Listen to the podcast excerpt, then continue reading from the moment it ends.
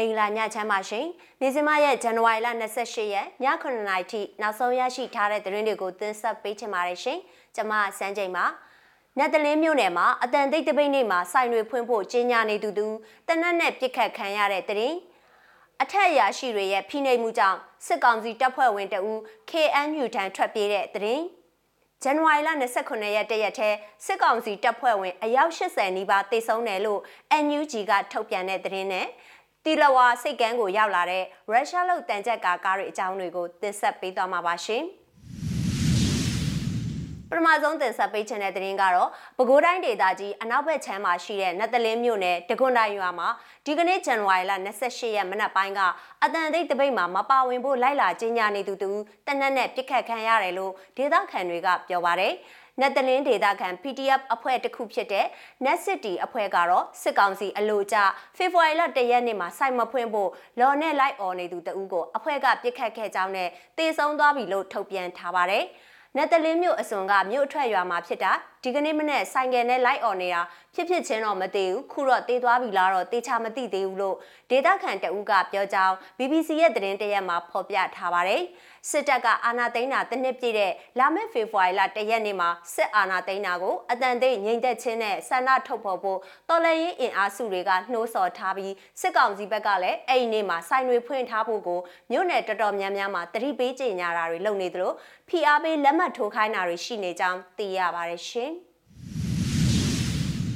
ကရင်ပြည်နယ်ဖာပွန်ခရိုင်အာနာသိန်းစစ်ကောင်စီရဲ့ခမရ640တက်မှာတာဝန်ထမ်းဆောင်နေတဲ့တပ်သားမောင်မျိုးလွင်ဦးဟာကရင်အမျိုးသားလွတ်မြောက်ရေးတပ်မတော် KNLA တပ်မဟာ9တပ်ဖွဲ့ထံကိုလာရောက်ခိုလုံအလင်းဝင်ခဲ့ကြောင်း KNU တပ်မဟာ9ကဒီကနေ့ဇန်နဝါရီလ28ရက်နေ့ကထုတ်ပြန်ထားပါတယ်။ ထွက်ပြေးလာတဲ့အသက်23နှစ်အရွယ်မောင်မျိုးလွင်ဦးဟာစစ်သက်၄နှစ်ရှိပြီးတပ်စခန်းအတွင်းအထက်အရာရှိတွေကလက်အောက်ငယ်သားတပ်ဖွဲ့ဝင်တွေပေါ်ဖိနှိပ်ဆက်ဆံမှုတွေကိုမခံနိုင်လို့ထွက်ပြေးလာတာဖြစ်ကြောင်းကရကန်ရှင်ဖြစ်သူမောင်မျိုးလွင်ဦးကပြောပါရယ်အထက်အရာရှိတွေကအောက်လက်ငယ်သားပေါ်မှညာမတာခိုင်းတယ်အစာရေစာလဲမဝတဝပဲကြွေးတယ်သူတို့ခိုင်းတာအစင်မပြေလို့ရှိရင်ပါရိုက်နားရိုက်တယ်အခက်မသိရင်စောင့်ကန်တယ်လက်သီးတွေနဲ့လည်းထိုးတယ်လို့ KNU ကထုတ်ပြန်တဲ့ဗီဒီယိုဖိုင်မှာမောင်မျိုးလွင်ကပြောဆိုပါရယ်သူတို့အချင်းချင်းအစင်မပြေရင်လည်းလက်အောင်ငယ်သားပေါ်ဆဲတယ်ဆိုတဲ့အစာရေစာကကြတော့တရက်ကိုစံတဘူးပဲကျွေးတယ်တနေကုန်မှစံတဘူးဘလို့မှမဖြစ်နိုင်ဘူးရေဆိုလဲတနေကုန်မှစစ်ရေဘူးနဲ့တဘူးပဲတိုက်ပါတယ်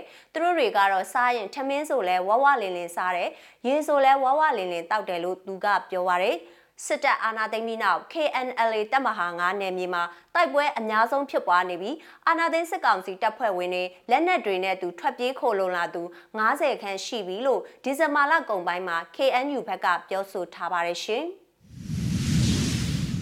နောက်ထပ်တင်ဆက်ပေးချင်တဲ့သတင်းကတော့ပြည်သူ့ခုခံတော်လှန်စစ်အတွင်းဇန်နဝါရီလ29ရက်တရက်ထဲမှာစစ်ကောင်စီတပ်ဖွဲ့ဝင်89ယောက်သေဆုံးခဲ့တယ်လို့အမျိုးသားညီညွတ်ရေးအစိုးရ NUG ကထုတ်ပြန်ထားကြောင်း DVB ရဲ့သတင်းတရက်မှာဖော်ပြထားပါတယ်။ခုထုတ်ပြန်ထားတဲ့အချက်လက်ဟာမြေပြင်အခြေအနေမှာပုံများနိုင်ပြီးတရက်ထဲထိခိုက်ဒဏ်ရာရရှိတဲ့သူအရေအတွက်ကတော့18ယောက်ရှိခဲ့တယ်လို့ဆိုပါတယ်။ အာနာသိန်းစစ်အုပ်စုရဲ့ပြည်သူလူထုပေါ်အကြမ်းဖက်ဖိနှိပ်ဖမ်းဆီးတိုက်ခတ်တပ်ဖြတ်နေမှုတွေကိုပြည်သူလူထုတရက်လုံးကအသက်ရှင်တန်ရေးအတွက် ခုခံကာကွယ်ပိုင်ခွင့်အရာပြည်သူခုခံစစ် People's Defensive War ကိုဆင်နွှဲနေကြတာပါနိုင်ငံတော်ဝန်မှာတော့မြန်မာပြည်သူတွေဟာစစ်အာဏာရှင်စနစ်မြန်မာမြေပေါ်ကအပီးတိုင်ခြုံငင်းရင်းနဲ့ Federal Democracy တည်ဆောက်ရေးအတွက်ငြိမ်းချမ်းစွာဆန္ဒပြတဲ့လူထုတပိတ်တိုက်ပွဲတွေတိုင်းဒေသကြီးနဲ့ပြည်နယ်တွေအနှံ့ပြားမှာဖြစ်ပွားနေပါတယ်လူထုတပိတ်တိုက်ပွဲတွေအနေနဲ့မနေ့ကတရက်ထဲမှာမကွေးတိုင်းနဲ့ရန်ကုန်တိုင်းတို့မှာတစ်ကြိမ်စီ မန္တလေးတိုင်းမှာ2ကြိမ်စီနဲ့စကိုင်းတိုင်းမှာ73ကြိမ်နဲ့အများဆုံးဖြစ်ပွားခဲ့တယ်လို့အမျိုးသားညီညွတ်ရေးအစိုးရ NUG ကထုတ်ပြန်ထားပါတယ်ရှင်။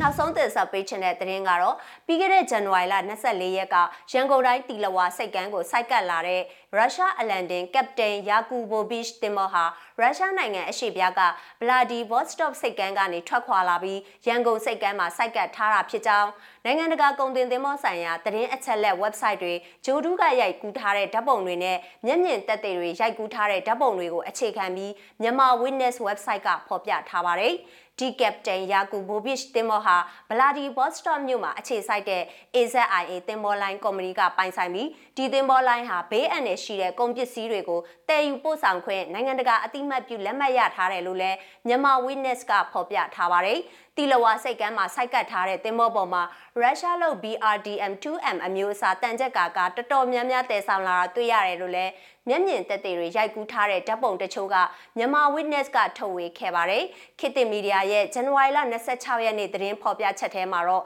တီလဝါစိတ်ကမ်းက MITG ကုန်တင်စိတ်ကမ်းမှာစိုက်ကတ်ထားတဲ့ရုရှားတင်မောပေါ်ကနေတင်ကား23စီးလက်နက်ခဲယမ်းနဲ့အမြောက်တွေပါဝင်တဲ့ပေ40အရှိကွန်တင်နာ9လုံးကိုချပေးခဲ့တယ်လို့နေပြည်တော်စစ်ဘက်သတင်းရက်ကွက်ကိုကိုးကားပြီးဖော်ပြထားကြောင်း RFA ရဲ့သတင်းတရက်မှာဖော်ပြထားပါတယ်။ဒီစစ်လက်နက်ပစ္စည်းတွေကိုစစ်တပ်က G1 အဆင့်ရှိတဲ့အရာရှိကိုယ်တိုင်လာရောက်ထုတ်ယူခဲ့ပြီး လိုအပ်တဲ့စာရွက်စာတမ်းတွေတခုမှမပေးအပ်ပဲညချိန်လာရောက်ထုတ်ယူသွားခဲ့တယ်လို့လည်းသတင်းမှာဖော်ပြထားပါတယ်။အခုလိုမြန်မာ witness နဲ့ခေတ်သစ်မီဒီယာတို့ကရေးသားဖော်ပြခဲ့တဲ့တီလဝါစိတ်ကမ်းကိုရောက်လာတဲ့ BRDM 2M အမျိုးအစားတန်ကြက်ကာကားတွေဟာရုရှားနိုင်ငံလို့ကုန်းရည်နှစ်မျိုးသွားရင်တွေဖြစ်ပြီးစစ်မြေပြင်နဲ့စစ်စင်ရေးလုပ်ငန်းတွေအတွင်းမှာရန်သူတပ်တွေရဲ့အခြေအနေကိုတွားရောက်ထောက်လန်းတဲ့ reconnaissance operation စစ်စင်ရေးတွေအတွက်အသုံးပြုဖို့ဖြစ်တယ်လို့စစ်လက်နက်ပစ္စည်းဆိုင်ရာသတင်းတွေတီးတန့်ဖော်ပြတဲ့ Jane Defense Weekly သတင်းဌာနကနေသိရပါတယ်ရှင်။